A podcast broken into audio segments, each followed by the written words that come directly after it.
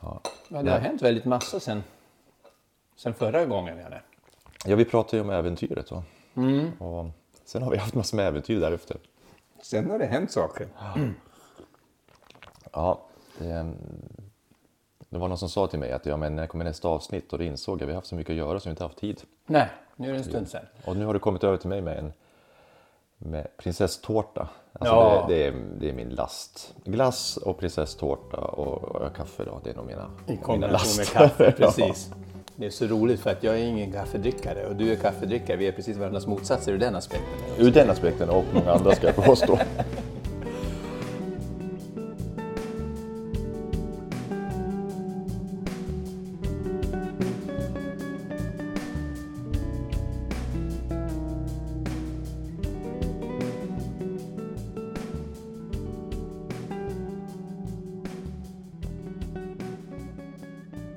Välkomna till nästa avsnitt av Löparens själ, avsnitt 19.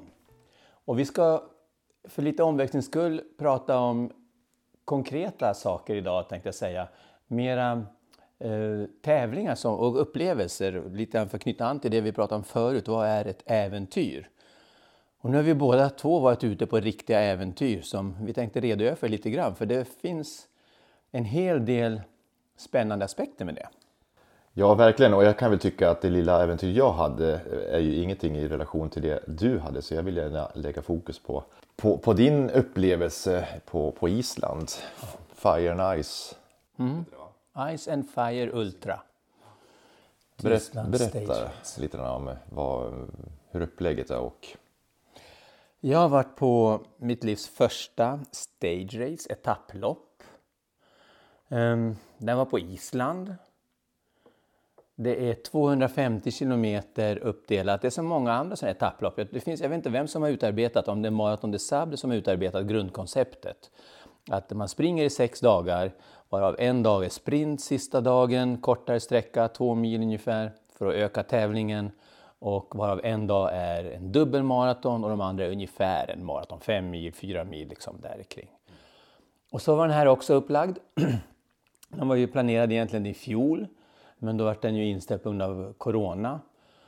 Och nu har jag sprungit den. Och det var en upplevelse. Ja, vi, jag försökte följa det så mycket jag kunde. Jag var inte så bra uppdaterad på deras Facebook-sida och Nej. sånt. Men eh, jag såg er uppvärmning eller inför starten när någon med bar överkropp i, i, i stormen stod och slog på en trumma. Och Ja, precis. Det var Jo, som de- exotiska inslag. De, de knöt lite an till vikingatemat kan vi säga. Det är det det skulle vara. Och vi skrek och det var en islänning där som deltog själva, själv i loppet och som var väldigt mycket viking och, och bar överkropp och han fick också hålla på sådär. Men det var bara yttre krusiduller. Det mest spännande var att det var en sån totalt annorlunda upplevelse mot allt annat i löpväg jag gjort. Först och främst, det var inte så många deltagare, det var 32 startande i år. Det brukar vara omkring 100, men det är fortfarande coronapåverkat. Ehm, och sen det som var också stack ut, det var att alla var så förbaskade erfarna. Det var en sån häftig start, ett häftigt startfält. Ehm, folk från hela världen, folk från USA, Kanada, ingen från Asien. Men det var eh, västra hemisfären och Europa, alla, eller många länder i Europa. Jag var den första svensken någonsin. Ja, konstigt nog. Så att det, det var lite ovanligt, men det har funnits folk från Norge och Danmark och Belgien och, och Spanien och Schweiz och Österrike och Frankrike och Tyskland och eh, så. Kanada, Aust- Australien, eh, USA. Det var ungefär de länderna som jag hann få grepp på. Och lite spännande var att medelåldern var ganska hög, det vill säga folk var väl omkring, jag skulle säga att medelåldern var kring 50 år. Eh, Folk har hunnit få ganska mycket rutin. Det var många där som ehm, hade det här nästan som livsstil.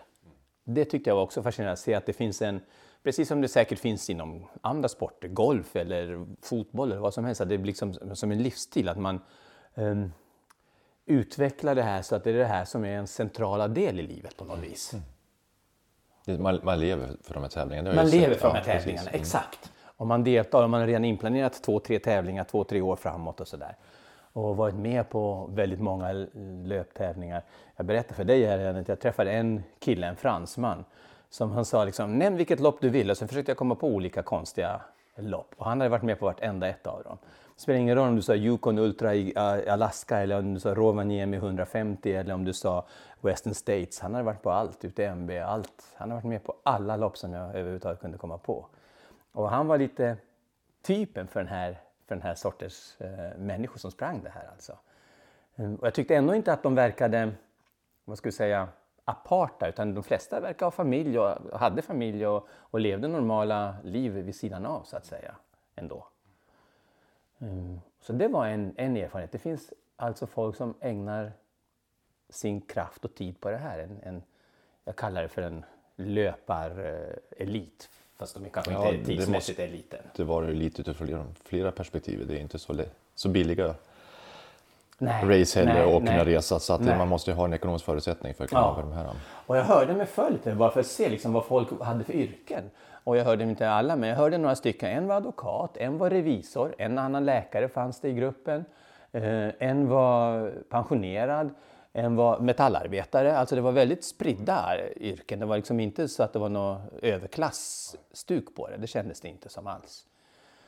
Eh, däremot så kändes det som att det fanns oändligt med kunskap och erfarenhet att ösa ur. Det är så häftigt.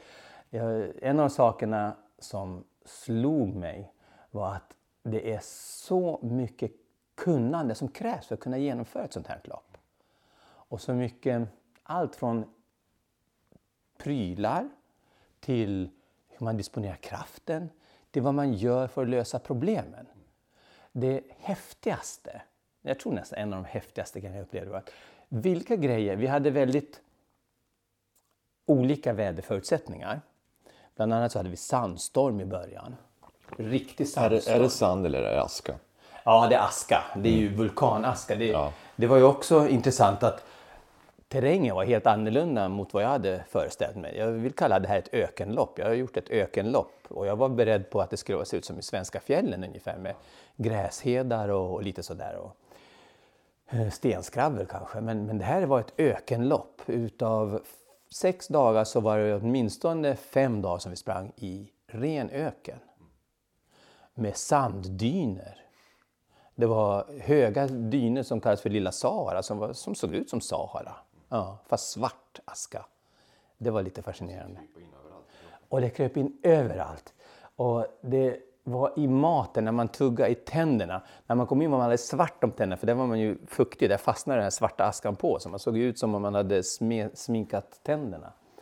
Och, och, det var liksom en, sån här, en, en sak att hantera, sanden i sovsäcken överallt hela tiden. Ja, ja, det var mycket sånt. Men det som var fascinerande, eh, flera mekanismer som jag tyckte var så häftiga. Det ena var att vad än som hände, vad än naturen eller tävlingsledningen eller kroppen eller någonting kastade fram mot löparna, så tog man det, man anpassade sig och fortsatte.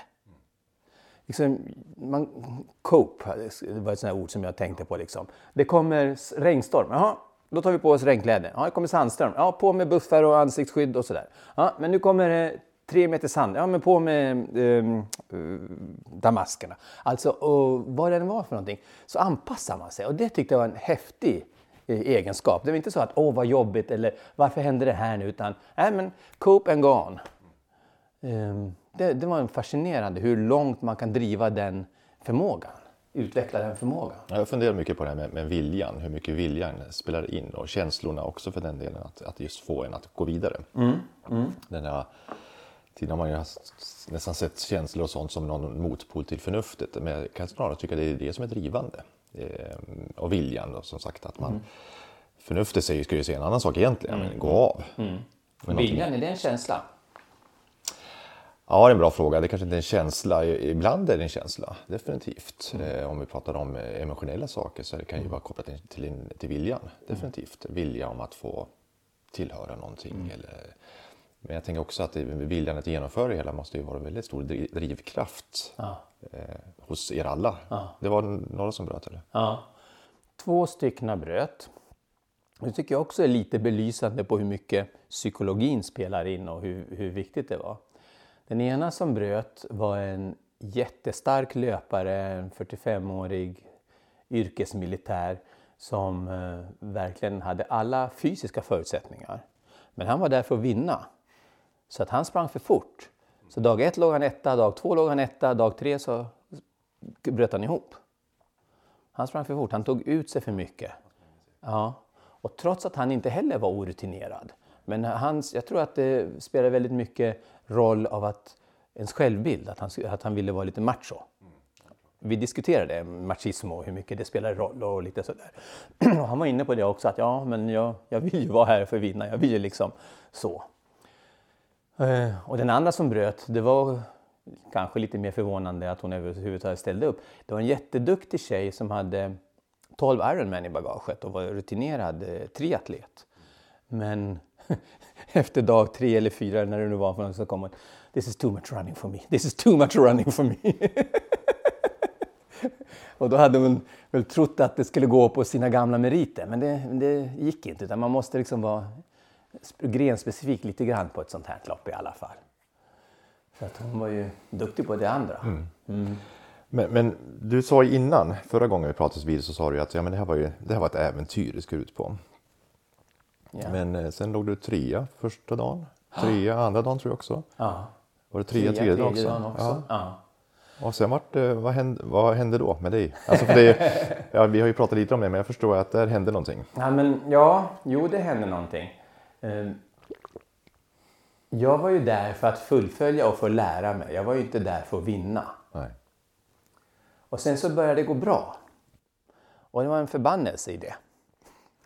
Det gick bra. Jag kom eh, högt upp både måndag och tisdag och på onsdag morgon så, så stod jag där på startfållan och, liksom, och vi skulle gå ut som det starka fältet där liksom. Och jag tänkte, vad fasen gör jag bland de här? Det här är ju, det här är ju proffs. Vad gör jag här? Jag är på fel planet. Jag får vid fel ställe. Eh, och jag sprang och jag kom i mål där. Men det var flera saker som hände.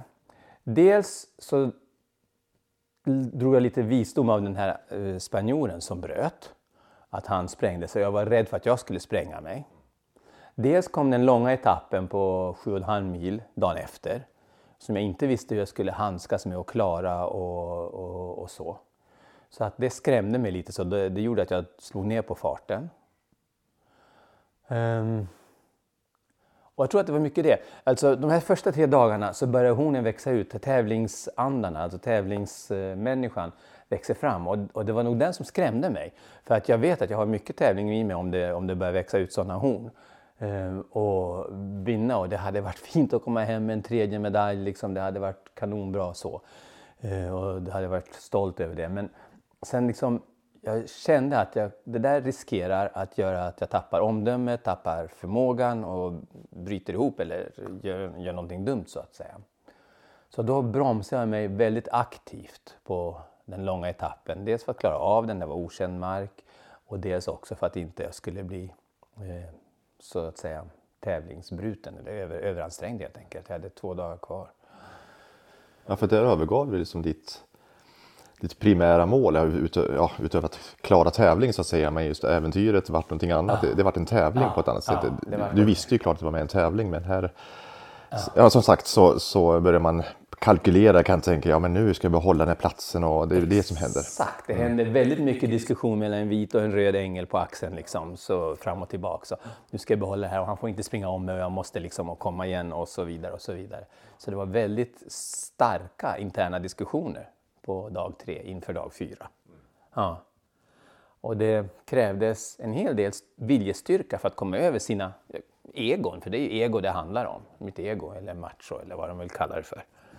Vill... Alltså måste det vara ett ego för att man vinner? Eller vill, har ambitionen att komma högre upp? Måste det vara ett ego? Tror du inte det? Ja, det kan ju handla. Alltså man, man kan ju tävla av olika anledningar. Det, man kan ju tävla för att man eh, vill att andra ska se hur duktig man är och man kan ju tävla för att man vill också se hur Inte långt... det ego? Att det andra ska tycka att Jo, det är ett ego. Ja. Eh, kan, om, man, om man känner att man måste ha en, ja, jag måste få en bekräftelse utifrån. Ja. Men det kan ju handla om också att jag själv vill bara se hur, hur, ja, hur stark jag är i förhållande till andra. Och det vet jag inte om det är ego, utan snarare just att testa sina egna gränser. Men du skulle se det som ett ego, även det? Den, den... Jag skulle tycka att det finns ett, en, ett självhävdande i, även om det jag gör det för min egen skull. Jag är starkare, större, bättre, tyngre än de andra. Ja, fast det håller jag inte med om. Om jag, ser, om jag, om jag jämför till vardagssituationer, men jag vill göra ett bra, så bra jobb jag bara kan. Nej, det är, det är en sak. Men ett så bra jobb du bara kan i förhållande till andra. Ja, men... I en tävling. Ja, men okej. Okay. Så att om jag då på jobbet gör det bästa av alla. Eh, jag, jag presterar bäst av alla. Men i grund och botten handlar det om att jag gör ett så bra jobb jag bara kan. Och jag, alltså jag tänker att det, löpning kan vara samma sak. Jag vill bara göra så bra jag kan. Jag vill försöka krama ur allt som finns eh, inom mig för att kunna nå så långt som möjligt. Och ja. det gör jag under en tävling, men primärt för att just göra ett så bra jobb jag kan. Syftet är, ja, vad är syftet med att göra ett så bra jobb som du kan? Är det för att var, varför vill du göra ett så bra jobb? Stolthet kanske. Stolthet. Att, man, ja, eh, att man, man känner att man, man har presterat så mycket man bara kan bara för att, för att det är viktigt för en. Helt enkelt. Det här är intressant. Jag har inget riktigt bra svar på det här. Nej, alltså jag, jag, jag har svårt att se jag har svårt att se egot där faktiskt. Det är, det är givetvis så kan man, man känna sig nöjd, med att vara nöjd betyder inte att man har ett, ett högt ego. Nej, nej, absolut inte. Eh, utan man är nöjd med sin prestation och upptäckte att ja, men jag är ju faktiskt ganska, jag var ganska duktig i förhållande till andra. Mm. Det var inte det primära målet. Men, men eh, ja, jag förstår hur du tänker för att samtidigt händer ju någonting i en tävling när man vet att man har en bra position och då, då börjar man eh, jobba för att försöka ja. komma på pallen eller vad det är för ja. någonting om man, om man nu är där. Ja. Som precis som du kände, det hade varit jättekul att bli trea. Jag tänker på, på det här du säger nu Janne. Eh, det finns ett japanskt ordspråk som säger att meningen med livet är att bli mästare på någonting, att bli perfektion, så nära perfektion det går, att driva något till perfektion mm. inom vilket område som helst, mm. valfritt. Det kan vara origami, pappersklippning liksom. Ja. Och det är någonting man vill bli duktig på och det, och det är det som är enligt det japanska talesättet meningen med att leva. Mm. Um, och så det ligger ju i linjen lite grann med det du säger. Mm. Um, väldigt intressant fråga. Jag, jag har bara tänkt att när man tävlar och rankar sig så gör man ju det till förhållande till andra. Men det, det gör vi väl allting vi, vi håller på med i livet överhuvudtaget. Ja, du vet man... ju, indirekt vet du ju om att du är bäst på jobbet om du nu är bäst på jobbet. Eller, och du vet också, ja. det, du har ju gett ett sådant exempel det här med att man löneförhandlar inom en grupp. Visst var det du som pratade om det ja. vid något tillfälle? Vi har inte gjort det i den här podden inte men, men just att eh, de flesta i ett, ett sammanhang vet. vet ungefär vart man finns i förhållande Exakt. till varandra. Ja. Sen dyker det upp någon darkhås här och där som, som helt plötsligt bara överraskar oss. Men, Eh, I stort sett vet vi ja. det. Och, och, och, det kanske inte handlar om ego utan det handlar kanske bara om en sorts... Är det någon skillnad tror du på om man gör ett bra jobb för jobbets skull eller för sin egen skull? Eller är det samma sak? Det, jobb, analogin kan man kanske inte direkt kan översätta till löpning eller, och tävling riktigt. Mm. För där är man, det, det är en kortare tid. Jobbet är ju en annan sorts under längre tid. Så att jag tror det handlar om lojalitet och den biten också i hög grad när man gör ett bra jobb. Mm. Eh, bra villkor och liknande. Men, kan ta Men, väldigt konkret. Jag menar du vill ju göra din, din gräsmatta så fin som möjligt. Det är en mm. konkret sak som går att mäta. Men det, ja visst, men det jämför jag inte med andra. Du gör inte det? Nej, gör du Nej. det? Och du gör gräsmattan vacker för din egen skull? Ja, för, att jag för gräsmattans skull? Inte för gräsmattan, det är, alltså det är för min, e- det är för min egen skull. Jag tycker att ja, men nu tycker jag att den är fin. Ja. Och det är högst subjektivt. Ja. Men du tävlar med grannen alltså? Nej, nej, nej, nej, nej det gör jag inte. Nej, det gör jag inte. Utan jag försöker tänka om det är någon skillnad varför man handlar. Om man gör det för att relatera till andra eller om man gör det för handlandets skull. Ja, det är högst subjektivt tror jag. Eh, helt individuellt varför man handlar. I en tävling så har vi säkert lika många skäl som det finns personer.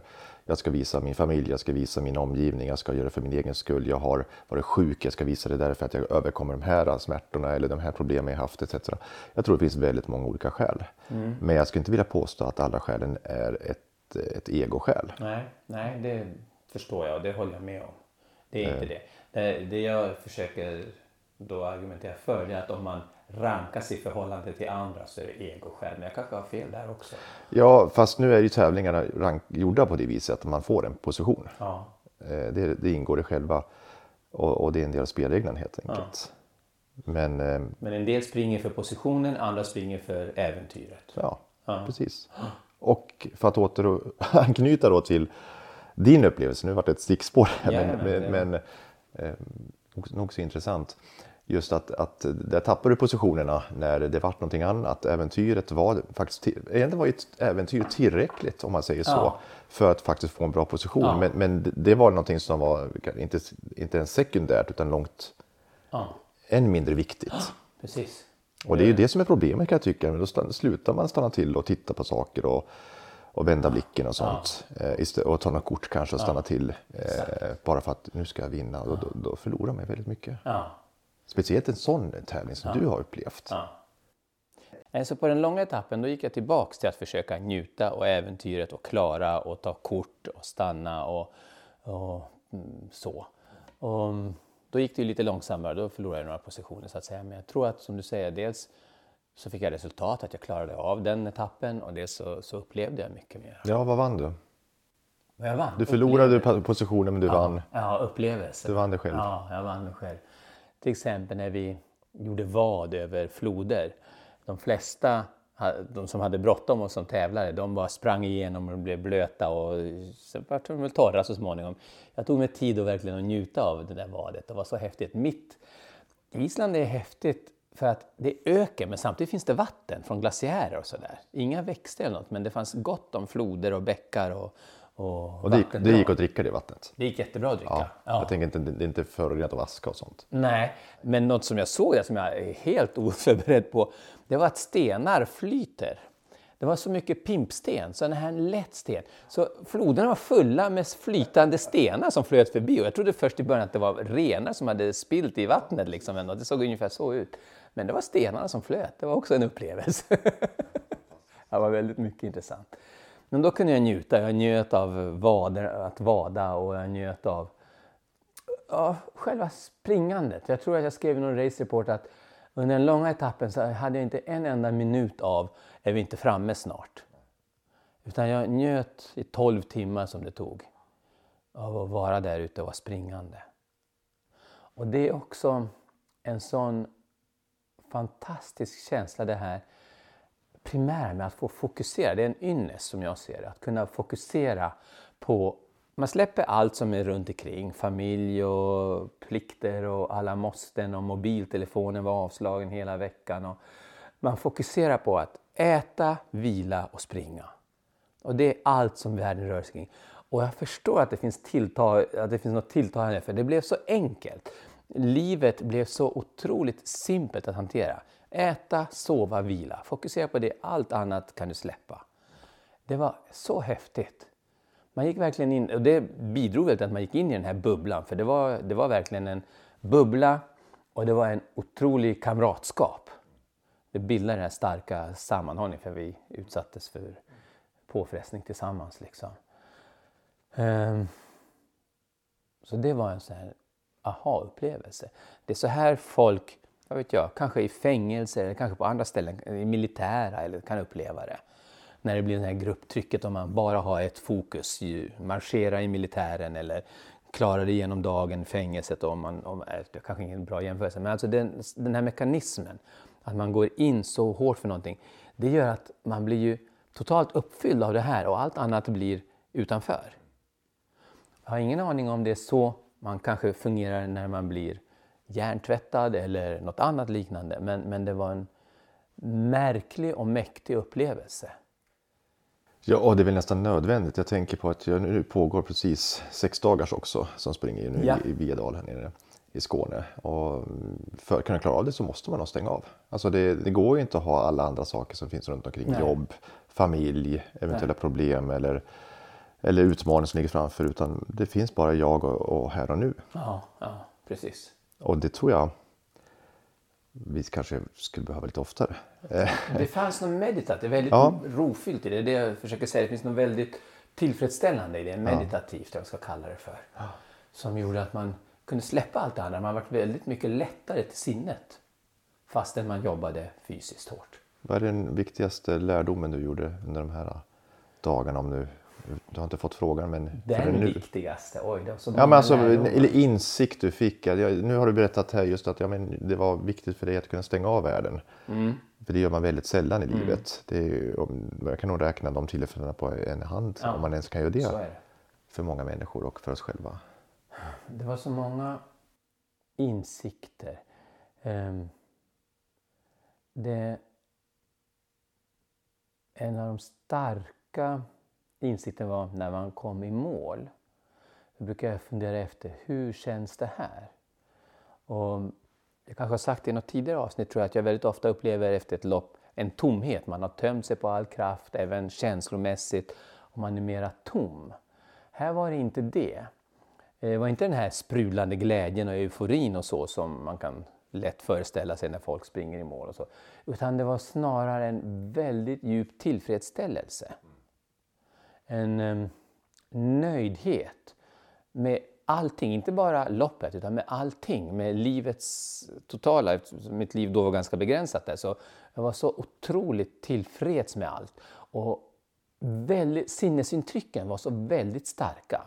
Jag tycker inte om pommes frites, men på mållinjen där fick jag smaka färska pommes frites. Och det är det godaste mat jag någonsin ätit. Det var en explosion av smak i munnen.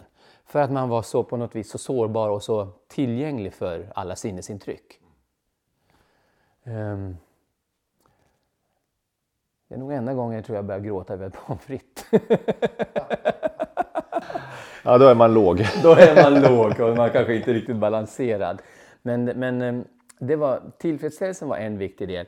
Och den andra viktiga delen som jag också tyckte, det var det här att hur, som du sa, viljan sa du, målmedvetenheten, hur det påverkar oss.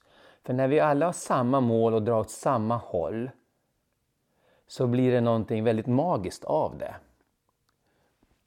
Både känslomässigt, liksom hur nära man kommer varandra.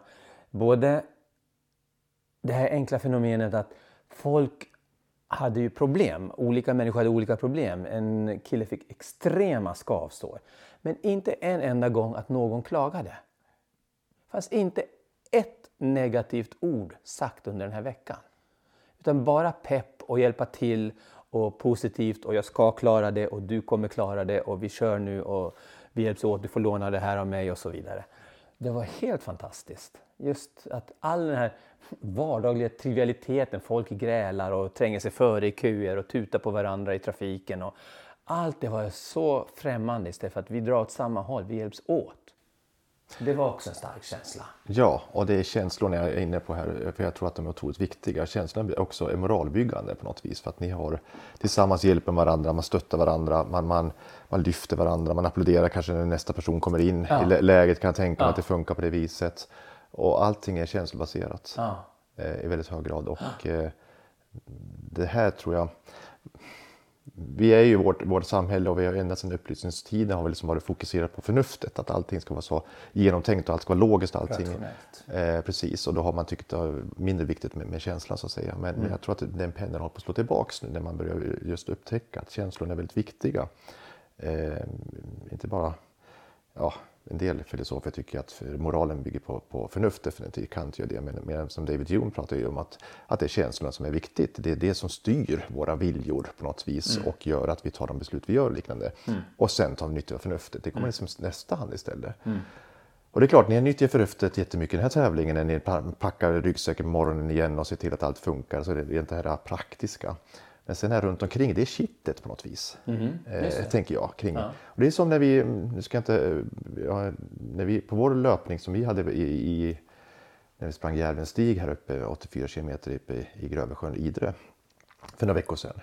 Man kommer tillsammans med människor som jag aldrig träffats förut, men tillsammans så blir vi som en grupp och vi ska ta oss igenom det här och vi stöttar varandra och vi, vi är totalt främlingar för varandra. Ja, och där så väckes, väckes någon sorts gruppsamhörighet precis som det är uttryck för, vilket vi söker givetvis gruppsamhörighet. Vi eh, stöttar varandra och vi delar varandra, alltså problemen vi har delar vi med ja. varandra också. Ja. Och de känslor vi upplever med smärtor och liknande och besvikelser ja. och sånt. Och, alltså det, det, är, det är så spännande och jag tror att det här är ett viktigt för ett någon sorts etiskt moraliskt fundament för omsorg för varandra och eh, just kunna pusha varandra framåt i det här fallet som du berättar.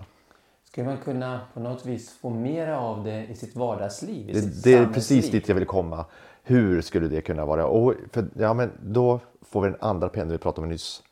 Det här eh, tävlingsmomentet, att vi är så konkurrensinriktade eller tävlingsinriktade även i, i yrkesliv och, och även hur fint hem jag har eller vilken fin bil jag har.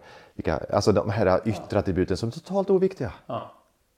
Och det, åh, ja, du sätter verkligen fingret på dit jag vill komma. För hur ska vi kunna få människor i hög grad just att kunna hitta de här gemensamma bitarna istället och bygga på dem. Har du någon idé om hur du Nej, jag har ingen idé. I så fall hade jag inte jobbat med det jag gör. Sitta och prata en podd, då hade jag gjort någonting annat i så fall. Men poängen är, och jag jag tror det är många som upplever i löpargemenskapen att det finns en otroligt stor kärlek och en stor, stor omsorg. Och speciellt i ultrasammanhangen där man vill försöka pusha varandra framåt så långt det bara går. Och det kan innebära, när jag sprang Järvens stig här, jag hade nästan kunnat komma under 10 timmar, eller jag hade kunnat komma under 10 timmar på de 84 kilometrarna, vilket jag tycker hade varit... Det, det spelar ingen roll, jag tittar faktiskt aldrig på tiden. Men en kilometer innan mål, då sitter en löpare på marken där. Det var bara nedförslöpning sista biten. Det var, väldigt varmt var det, var soligt hela dagen. Ja. sitter en eh, yngre man där eh, och jag stannar till, för det gör man. När någon sitter och Ja. Frågar hur är det med dig och han sa att jag, alltså jag blir så yr, sa han. Jag, jag, jag, jag kan inte springa, jag är så yr, sa han. Okej. Ja, men hur kan jag hjälpa dig? Men det är klart jag stannar. Jag, alltså, Ja. Tiden var totalt oviktig. Alltså det, eller det upptäckte jag efterhand att jag hade kunnat vunnit någon, någon minut där så hade jag kommit under 10 timmar. Eh, men jag hade vatten med mig i ena flaskan. Eh, som, ja, men jag ska hälla vatten över huvudet på dig. Så att, eh, och han blir jätteglad för det. Liksom. Då tänker jag, men det är det här det handlar om. De där minuterna, totalt oviktigt. Ja. Du gjorde det rätta där. Ja, och det kändes ju som bara, och han blev glad och han såg jag sen kunde ta sig till mål också. Ja, precis. Att, jag, att jag kunde bidra med det lilla jag hade för att även han skulle kunna ehm, orka den sista biten. Det är det det handlar om. Det är ju fantastiskt. Just det, det är ju samma mekanismer som vi pratade om. Ja. Som, var, som var i omlopp här. Liksom. Du bryr dig om din nästa. Ja, och, och, och, och det, det här är problemet med min nästa. Vi har ju en väldigt snäv syn på vem min nästa är. Ja. Eh, eh, istället så kanske, för, för min nästa är ett väldigt luddigt begrepp tycker jag. För, Ja. ja. vem är min nästa? Ja, det är min familj eller liknande. Eh, så alltid prata om den andre. Eh, och du är min andre. Den, andre. den som finns här bredvid rummet, det är min andre. Eller, och vi kanske ska börja där med min nästa, liksom någonstans, ja men vem är det? det är det någon som sitter i eh, Brasilien och vi ska se till att betala mer för kaffet? Ja, det, det är också min nästa, definitivt. Men din andre är, är, är väldigt nära. Uttryck. Jag kan tycka att det är ett eh, sympatiskt uttryck. Och i löpningen så har vi hela tiden den andra med oss, Ja. runt omkring oss. Just det. I eh, hejaropet eller peppningen, bra jobbat och liknande. Jag var på, under helgen var jag, fick jag vara med under eh, ett backyardlopp här i Malmö. Eh, och där man ser de, jag pratade med en, en kvinna som hon grät när hon kom i mål. Hon hade sprungit maraton som längst förut, men hon gjorde dubbla distansen. Och för henne var det Oj. helt otroligt. Hon bara grät av lycka och känslor. Vad härligt. Ja, du vet. Och det är det är då de andra runt omkring har gjort och skapat en atmosfär där vi lyfter varandra istället. Och alla som har någorlunda förnuft eller logik i huvudet kan ju räkna ut att ett sånt här samhälle skulle ju vara bättre för oss än ett eh, konkurrerande samhälle vi har. Eller? Har storleken betydelse i bemärkelsen att när vi blir så många som blir den andre, att det blir svårare att omfamna många än få? Ja, absolut, det tror jag. Ehm, det, och den andra finns i en kontext som jag inte själv känner till. Eh, när vi pratar om Ja, löpning så, så ingår alla i samma ehm, kontextuella situation och vi, vi, vi har samma mål, det vill säga att klara av uppgiften. Alltså vi strävar åt samma håll. Även fast individuellt så handlar det ändå om att vi ska försöka ta sig igenom loppet eller göra så många varv som möjligt som i det här fallet. Ja. våra personliga mål. Så att det, det, vi, har, en gemensam grund att stå på. Det som svårare med, med ehm, att ha en samhörighet med maffiafolk. För att jag, jag förstår inte den kontexten och jag kan inte ens sympatisera med. Alltså, väldigt dåligt exempel. Kommer. Nej, men det är ett bra exempel för de har väldigt starkt shit De sinsemellan. har samma shit och säker och deras andra är också den som finns i den kontexten. Precis. Och där har vi problemet att vi har ingen gemensam de skulle säkert säga också att vi har en gemensam moralisk grund. Vi, vi har en hederskodex som gäller inom den här maffiagruppen. Ja. Vilket jag inte har någon aning om, men jag antar att det finns ett sorts moraliskt system, eller åtminstone ett system som bygger på någon sorts tanke om r- rättighet och rätt och fel så att säga. Rätt och fel, ja precis, exakt. Men, Men, och det finns det väl också, man pratar om ingrupp och utgrupp. Och Ja, eh, vi precis. har vår moral och vi, du hör till oss, vi skyddar dig och så.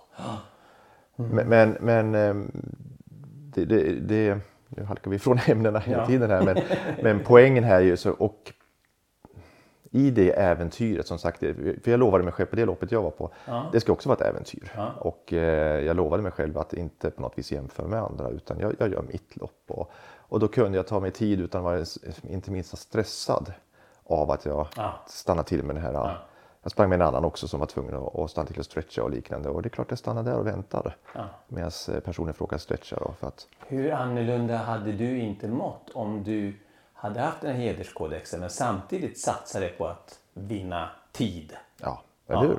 Vilken, eh, precis, vilken... Det hade blivit en Ja, konflikt där. det här blir en konflikt. Så att ja, det är sant. Och hur man än löser den så kommer den ena sidan att ta stryk. Ja, eller hur? Precis. Nej, utan för mig så fanns ju inte den tanken alls. Och, ja, i och för sig, jag visste ju att min position var ganska ohotad. Det var ju långt tillbaka till nästa person, det visste jag. Ja. Så att jag hade ingen hot bakifrån heller, så att då kunde jag ju ta mig tid också. Så visst, vi det kanske fanns någonting eh, under medvetet som gjorde att jag inte var stressad över situationen för att jag fanns i en gynnsam situation just då. Nu kommer vi ifrån ämnet lite mer men det här är ett skäl till varför jag är så väldigt mycket emot all form av ekonomi i idrott. Att man ska vinna prispengar, att man ska få lön för det man gör och så. För det sporrar ju den här tävlingssidan av oss på mestadels ont. Visst, vi kanske får bättre resultat marginellt hit eller dit men det får också, väcker också så mycket ont. Speciellt för de som vill leva på det och liksom försöka. Ja. Då, då, då tror jag att det blir väldigt tufft. Ja, men även om, även om man inte lever på även om du hade, säg att du hade haft chans på en prissumma på 50 000 där. Ja, just. Hade du stannat för den där mannen då? Ja, då hade det varit ett annat läge, Ja. definitivt. Ja. Och visst är det så, där, där har du rätt. Att visst att, att eh, pengar spelar roll och att man faktiskt tummar på sina moraliska värden. Och det ser Ja. vi gång på gång inom näringslivet och överallt där man, där, där vi liksom, man ljuger och man Ja. bedrar och man, tar, man har eh, insideraffärer i aktier och liknande för att man kan tjäna pengar. Mm. Eh, för det, och, men, och grund och botten handlar det ju om att ja, men det handlar om mig. Och jag prioriterar alltid mig själv före den andra. Mm. Inte min nästa utan den andra.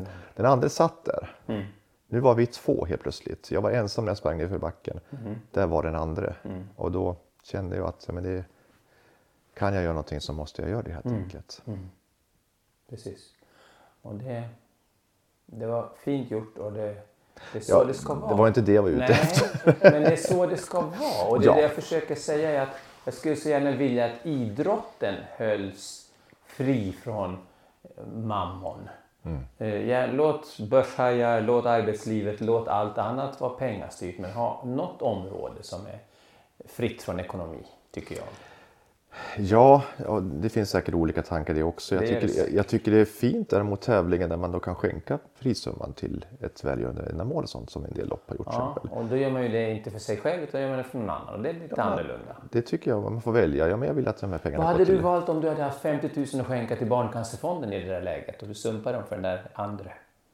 Vad hade du gjort då? Ja, jag tror att engagemanget skulle vara inte lika starkt på något vis. Då hade jag nog kunnat stanna till längre för att eh, alltså jag tror att man kan funka så. Pengarna kommer inte till mig utan det kommer till en annan. Då är det någon annan som får skänka pengarna istället. Ja, okej. Så då, då spelar det ingen roll. Nej, Ehm, och, och, men mammon påverkar oss väldigt mycket och vi ser många som vill kunna försöka leva på löpningen. Ja. Och, och det vore ju fantastiskt men med den pressen som det lägger på människor också har jag ju förstått. Det är ju inte många som klarar av det Nej, särskilt bra. nej. Ändå. Och med risk att man springer sönder sig. Eller att man drar på sig skador som man får resten av livet också. Yrkesidrottskarriärerna är relativt korta Mm. och med relativt stora men för många. Gymnaster och andra som förstör sig verkligen.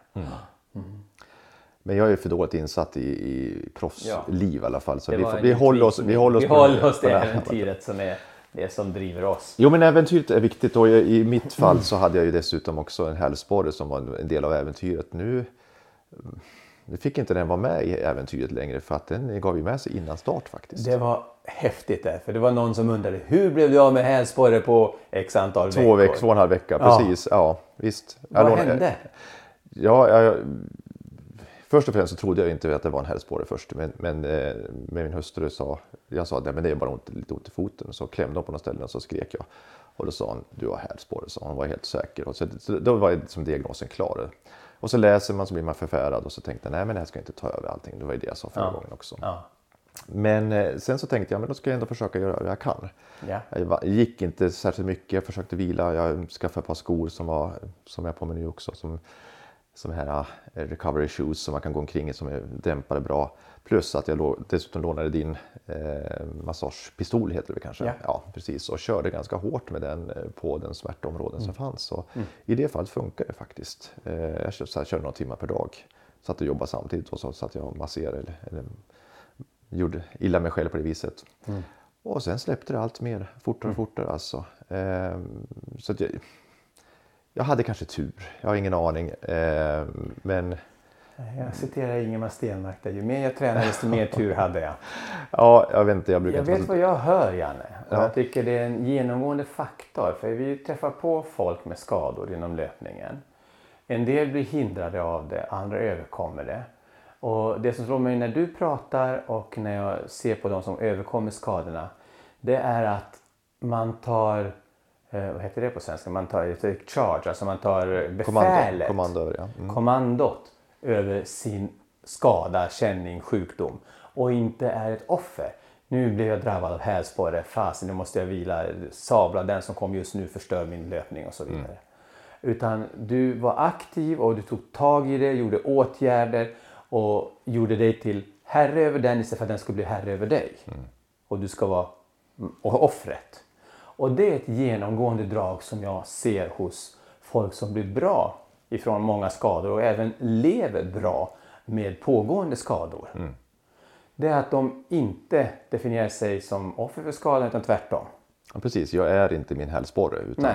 jag är Nej. någonting annat och hälsporren är just nu en del Och av det. då. hästspåren fogar sig i min vilja och inte Ja, tvärtom. precis. Ja. Ja.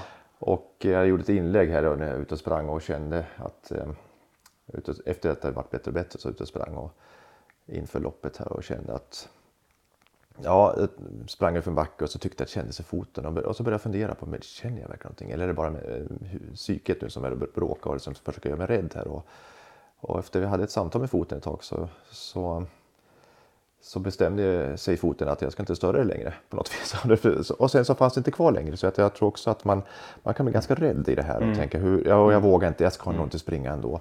Och, och det där var egentligen bara någonting som fanns eh, i huvudet som försökte ställa till det för mig. Eh, och det innebar att jag sprang igenom loppet utan problem alls. Och det var det, det, var det värsta loppet jag sprungit någon gång. Det var det brötigaste jobb jag någonsin varit med om. Det var, all, det var så mycket sten. Det var, jag vet inte, totalt kanske en och en halv mil. eh, Jag är inte klar över s- sträckan, men det var ju väldigt lång sträcka myr också. Ja, och sen var det sten på sten på sten. Så att det var liksom aldrig lätt någon gång under loppet stort sett. väldigt tekniskt. Mycket tekniskt. Så jag hade så ont i fötterna på grund av att de hade liksom blivit mörderbultade bara. Men, men inte på grund av någon hälsporre eller liknande. Så att eh, med, med det kraftprovet eller den utmaningen fötterna fick i det så är det helt otroligt att jag inte fick något mer av Ja. eh, eller någon efterspel då så att säga. Och dessutom, vi fick också göra ett vad. Precis som du fick göra så fick vi Aha. göra ett vad. Det, var- det, det, bara det var en upplevelse. Ja. Du vet ju, sjukt kallt kall om fötterna en kilometer efteråt. Men man kommer igen alltså. Samtidigt då, då är man orolig och när det är så kallt om fötterna då gäller det att vara försiktig så man inte vrickar någonting när man Ja, är... men precis. Det är så mycket sådana erfarenheter man kan dra. Liksom. Hur kallt kan jag springa med blöta fötter? Kan jag springa med blöta fötter i nollgradigt? Kan jag springa i en fyra, ni hade fyra grader på morgonen i starten. Ja, visst, precis. I en fyragradig myr, funkar det? Alltså var går gränsen? Alltså det är mycket kunskap och, om hur man lär sig Ja, om, hur man funkar. Och som du säger, man är bedövad, man måste springa försiktigt så man, man har inte samma eh, mo- motoriska förmåga i foten eftersom man är avdomnad. Så det är mycket sådana där saker. Ja, man, Som att det förstör sig. Men, men vad tänker, bara för att återknyta och avsluta frågan med, med, med, skadorna. Sen är det ju skillnad på skada och skada givetvis. När man Ja. har skador som är, verkligen är. Det finns absolut skador. Det finns Så, absolut så man måste när ska, vänta ut tiden helt enkelt. När man ska vara stilla och inte anstränga sig så. Men jag tror, och jag är beredd att ta en del klagomål för att jag tror många tycker att man kan inte argumentera, man kan inte resonera på det här viset utan skador är skador och jag rår inte för det. Men jag hävdar att vi har ett ganska långtgående ansvar över vårt egen kropp och våra egna skador och, och sånt vill jag faktiskt säga. Det är då först man blir herre över sin kropp. Mm, definitivt. Och som sagt, vissa saker kan vi ta kommando ganska rejält i. Men som sagt, har man brutit foten liknande eller någonting, ja men då, Nej, det, då ja, måste man helt självklart. rehabilitera. Så det, jag tror att inte våra lyssnare är dumma inte, utan Nej, de förstår nej, också att nej, men, precis. men sen kan man också fråga sig, är jag villig att lägga ner tiden det krävs för att Just göra det här? Och Det är jag så. väldigt dålig på, men det är ju som sagt väldigt viktigt. Ja, absolut. Och det är mycket tid och eh, ork som krävs för att man ska vara precis. så. Ehm, och vill man mm, ta exempel så kan man ju alltid ta eller exempel för Paralympics. Den här snabba, vad heter han för någon pistol? Vad heter han sydafrikanen som hade stålben? Eh, som sprang så otroligt snabba lopp med sin protes. Ja, visst. Så det går ju liksom att komma långt trots att man inte ens har ett underben. Nej, precis. Nej, men, men eh, så att jag, jag, det fanns kvar i huvudet hela tiden under tävlingen just det här med samma sak som du. Vi pratade om äventyret och det skulle få vara det. Och det vart ett äventyr. Det var ett riktigt det var, äventyr. eh, Och den position jag fick, den, den, eh, jag hade inga ambitioner någonstans i någon position. Mitt enda mål var att ta sig igenom loppet. Och vad är din behållning av loppet? Eh, otroligt roligt att springa myr. För det upptäckte jag, det var ju väldigt kul tyckte jag. Jag har ju två regler när jag springer. Ja, eh, som jag följer och det är en rekommendation till många andra också. Det är att eh, det är att stanna aldrig. Alltså, ja, givetvis om man tar energi och sånt eller måste byta kläder eller liknande sånt där, då måste man kunna stanna. Men när jag under, eller som är igång i loppet, eh, alltså hur brant det än är, så stanna inte, för, det funkar för mig. Stanna inte och, och vila och liknande, för det där tapp, egentligen behöver man inte den vila många gånger utan det gör man mest bara för att slippa gå. bryta av och gå? Ja, man, och, gå absolut. Gå, ja, ja, visst. fast inte stanna. Nej, men inte stanna. Ja. Och det är samma sak med myren. Jag, jag, jag körde på på myren och jag höll ganska bra tempo dessutom, vilket förvånade mig. Men jag trippade på där och, och kände att ja, men det här funkar ju. Och höll samma tempo och tänkte jag ska inte stanna. Mm. Och sen när det gick rakt upp då, när vi ska upp på, på städjan så, eh, så har jag, då har jag ytterligare en regel. Så att, eh, stanna inte, fortsätt att gå. Där går man ju bara ändå vilket fall. Mm, Men, Oavsett hur långsamt det går, fortsätt att röra på dig. Mm. Titta inte upp, är mina andra regler. Titta inte upp. Jag Titta. tittar inte upp för att då tänker man oj, ska jag ända dit upp? Ja, just det. Utan det gör jag inte och då blir det alltid samma upplevelse varje gång. Oj, jag är redan, redan uppe. Eller oj, jag är redan här. Ja. Det blir positiv belöning istället för den negativa känslan man får när man tittar upp och tänker ska jag ända dit upp? Alltså, Ja, det är då man också instinktivt vill bara stanna. Det här orkar jag inte, jag måste Ja. vila. Ja, exakt. Det funkar för mig, eh, de här två reglerna faktiskt. Vad häftigt. Det är bra tips att ta med sig. Ja, eh, och det är ju roligare att bli belönad istället för att känna att man Mm, bara har ett berg att bestiga. Mm, Så att, det, var ett, det var ett roligt äventyr och ehm, fick också möta människor som var fantastiskt härliga att träffa. Så att det, det är ju det det handlar om. Ja. Det har ju du fått uppleva också. Ja, vi har haft en fantastisk löpar höst, eller början på höst här. Så Det ska vi fortsätta med. Ja, så nu ligger det eh, tre veckor fram. Uckapain ska springa 16 mil, 17 mil. Oj, det blir också ett äventyr. Ja, du, ja, det blir spännande. Ska du med? Jag ska försöka hänga med på, på något, någon sträcka. Ska jag göra. Ja, vad roligt. Ja, Det så blir får vi se. första som sker att man går in i natten och ska vara där. Så att Ja. vi, vi är några stycken nu som börjar prata med varandra, men vi, vi kanske tar natten tillsammans. Okej. Då blir det så mycket roligare. Ja, då blir det mycket det- roligare. Jag är lite mörkrädd var det en som sa. Jag sa, är du tillsammans med oss så kommer det mörkret vara det minsta problemet du har att fundera på. Det är mest att du orkar stå ut med oss. Ja, just det. Ja, vad kul. Ja, då ser vi fram emot det som, som nästa grej. Ja, jag hoppas vi ska ta och hinna med ett avsnitt innan det är Det dags för det också. det ska och, vi. eh, det är, ni allihopa där ute, tack så mycket. Vi återkommer snart. Hoppas ni får en bra äventyrsfylld höst. Ha det gott. Hej! hej med er.